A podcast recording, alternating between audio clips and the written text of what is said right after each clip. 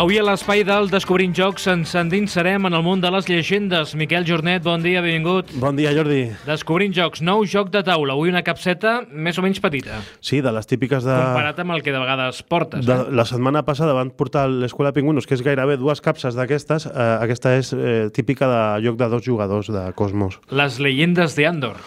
Correcte, però no és les llegendes de Andor, és les llegendes de Andor, Chada i Torn, que és, eh, que és eh, un, com un spin-off que han tret de, de les llegendes de Andor. Que Per tant, no és una expansió, és un joc diferent. és un joc autojugable i que eh, serveix com per tornar-te a, a, a, a ficar dins del món de- d'Andor, que per aquí pots entrar i després pots anar-te al Germà Gran, que és el joc eh, per més jugadors, o, o entrar per l'altre i després eh, provar aquest, que està molt bé, la veritat. Anem a fer la fitxa. Autor del joc de les llegendes de Andor, Chada i Thorn.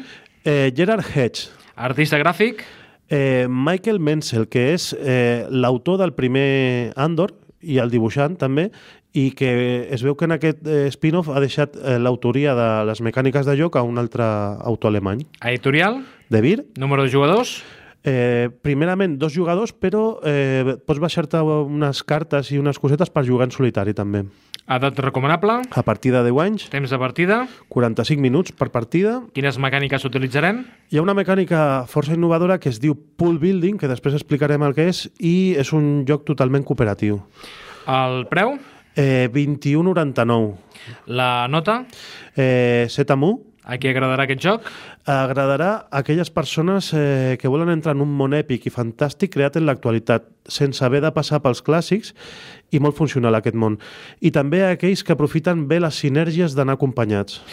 Doncs eh, aquest és el joc eh, que recomanem avui, les llegendes d'Andor, Chada i Thorn, de joc de l'any 2016, eh, joc que podem trobar en castellà. Sí, sí, per Devir, eh, totalment traduït. De regreso a Andor, Chada, la arquera y Thorn el guerrero deberán cruzar la isla de Argentia desde el extremo septentrional hasta la costa sur. Allí los enanos podrán ayudarles en su travesía hacia Andor. En su viaje vivirán emocionantes aventuras que les plantearán nuevos retos a cada paso, pero solamente si avanzan juntos podrán llegar a un lugar seguro.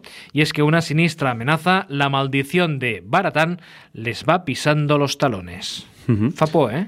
Sí, sí, i és, eh, la veritat és que és molt narratiu. Eh, és un joc que t'explica una història, eh, t'explica fins i tot una història eh, d'abans, que, que pot ser preqüela o, o de després de, de, de l'Andor eh, original, i la gràcia és això, que Michael Menzel, que era un dibuixant, es va, se li va ocórrer eh, crear aquest món, se li va ocórrer crear el primer joc d'Andor, i Alemanya està funcionant molt bé i aquí De Vir ens l'està portant. Fins i tot Alemanya, fixa't, ha sortit una novel·la d'Andor.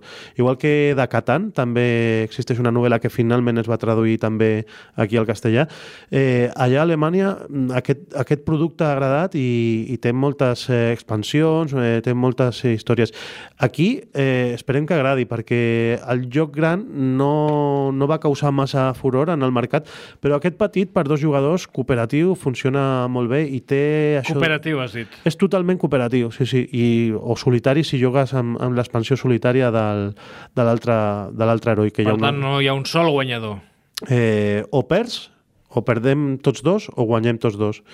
I, i és un joc que, que proposa diferents aventures. Amb unes targetes et va revelant eh, cada vegada més història, perquè són aquests dos guerrers, Chada i Ton, que han arribat a una illa misteriosa i eh, saps que l'has de, de creuar de nord a sud per, per acabar sortint de la illa, però no saps el que et trobaràs. Sí que saps que hi ha una maledicció que et persegueix i has d'anar fent passos per diferents taulers. Els taulers són totalment eh, modulars per seccions i a vegades eh, pots muntar-ho d'una vegada d'u- d'una d'una manera o d'una altra i això li dona un component de rejugabilitat bastant interessant.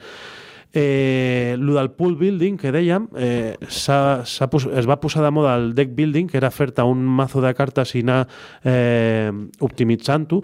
I aquí el pool el que tens són tres cartes cada heroi té tres cartes que cada torn li, li proposen fer tres accions diferents, eh, però aquestes cartes tenen en columna algunes més i és com un carrusel, van, van passant. Si utilitzes la que, la que està més eh, a prop, l'has de tirar després enrere i després et vindrà una altra. I tens sempre un carrusel de tres accions per fer i dintre de les accions eh, hi ha les malediccions també, que són accions negatives que t'afecten a tu i t'afecten també al teu company.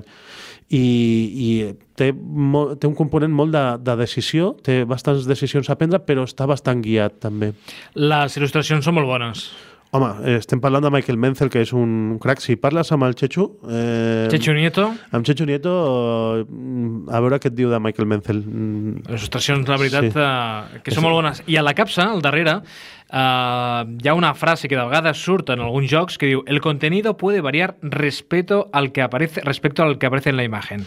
Sí, perquè a vegades els components... Conserva sí. esta caja i les instruccions per a possibles consultes. Sí, sí, sí. sí. Eh, això està bé que ho avisin també perquè a vegades eh, es fan eh, prototips en 3D amb infografia, es posen aquí i després eh, la, el component real no, ja, no, no és, el cas d'aquesta imatge que veiem aquí, és, és no, tal com, com és, és el joc. És bastant eh? real, sí, sí. Eh, funciona amb unes peanes, els jugadors van, han d'avançar unes peanes per uns taulers i aspectes positius que té eh, això, el del pool building, eh, tens moltes decisions a prendre, eh, és, és molt cooperatiu i molt temàtic, que això també agrada perquè acabes la partida mm, visquent la, amb intensitat el que, el que has posat aquí sobre la taula i valors negatius, a vegades la gent es, que, es queixa d'aquests jocs d'Andor, del gran, sobretot, i d'aquest petit, però d'aquest petit menys, de que és massa guiat, perquè no tens, eh, no tens massa llibertat. Eh, eh, és un món fantàstic, però no, no pots anar i perdre't i fer coses com, com en altres jocs que dius, ah, doncs, eh, em tiro tota la partida per aquesta part del tauler. No, aquí has d'anar per feina, has d'anar avançant eh, cap a on et diu el, el tauler.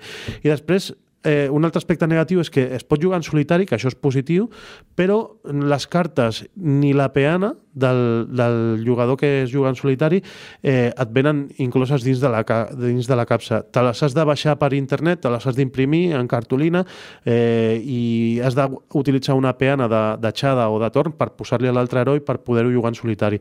Però és un, és un plus que t'afegeix eh, si el vols provar en solitari, que, que està molt bé.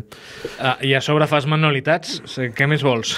Sí, sí, sí, sí, la veritat és que, bueno, eh, el print and play, que es diu. Uh, li posem música? Sí, eh, la música aquesta és una mica especial, perquè he trobat una música d'una associació que es diu eh, Aed Alfdaning, que és una associació amb un nom nòrdic, però és una associació de gent de València i de Barcelona, que és una associació de recreació de vida nòrdica i, i intenten recrear les seves costums, eh, les seves vestimentes i també la seva música. I aquesta és una cançó que misteriosament es diu Andor.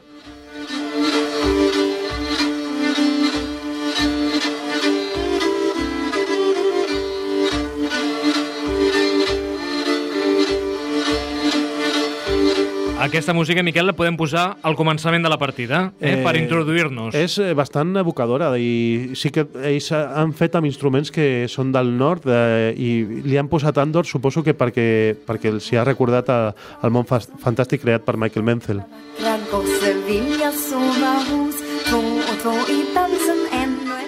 Les llegendes de Andor. Sí, no, no, Queda... no sabem si canten en èlfic o què, però està prou bé, la veritat. Ens ho podia tra traduir el Tolkien. Uh, Miquel Jornet, fins la propera. Seguim jugant, sí. Allting slut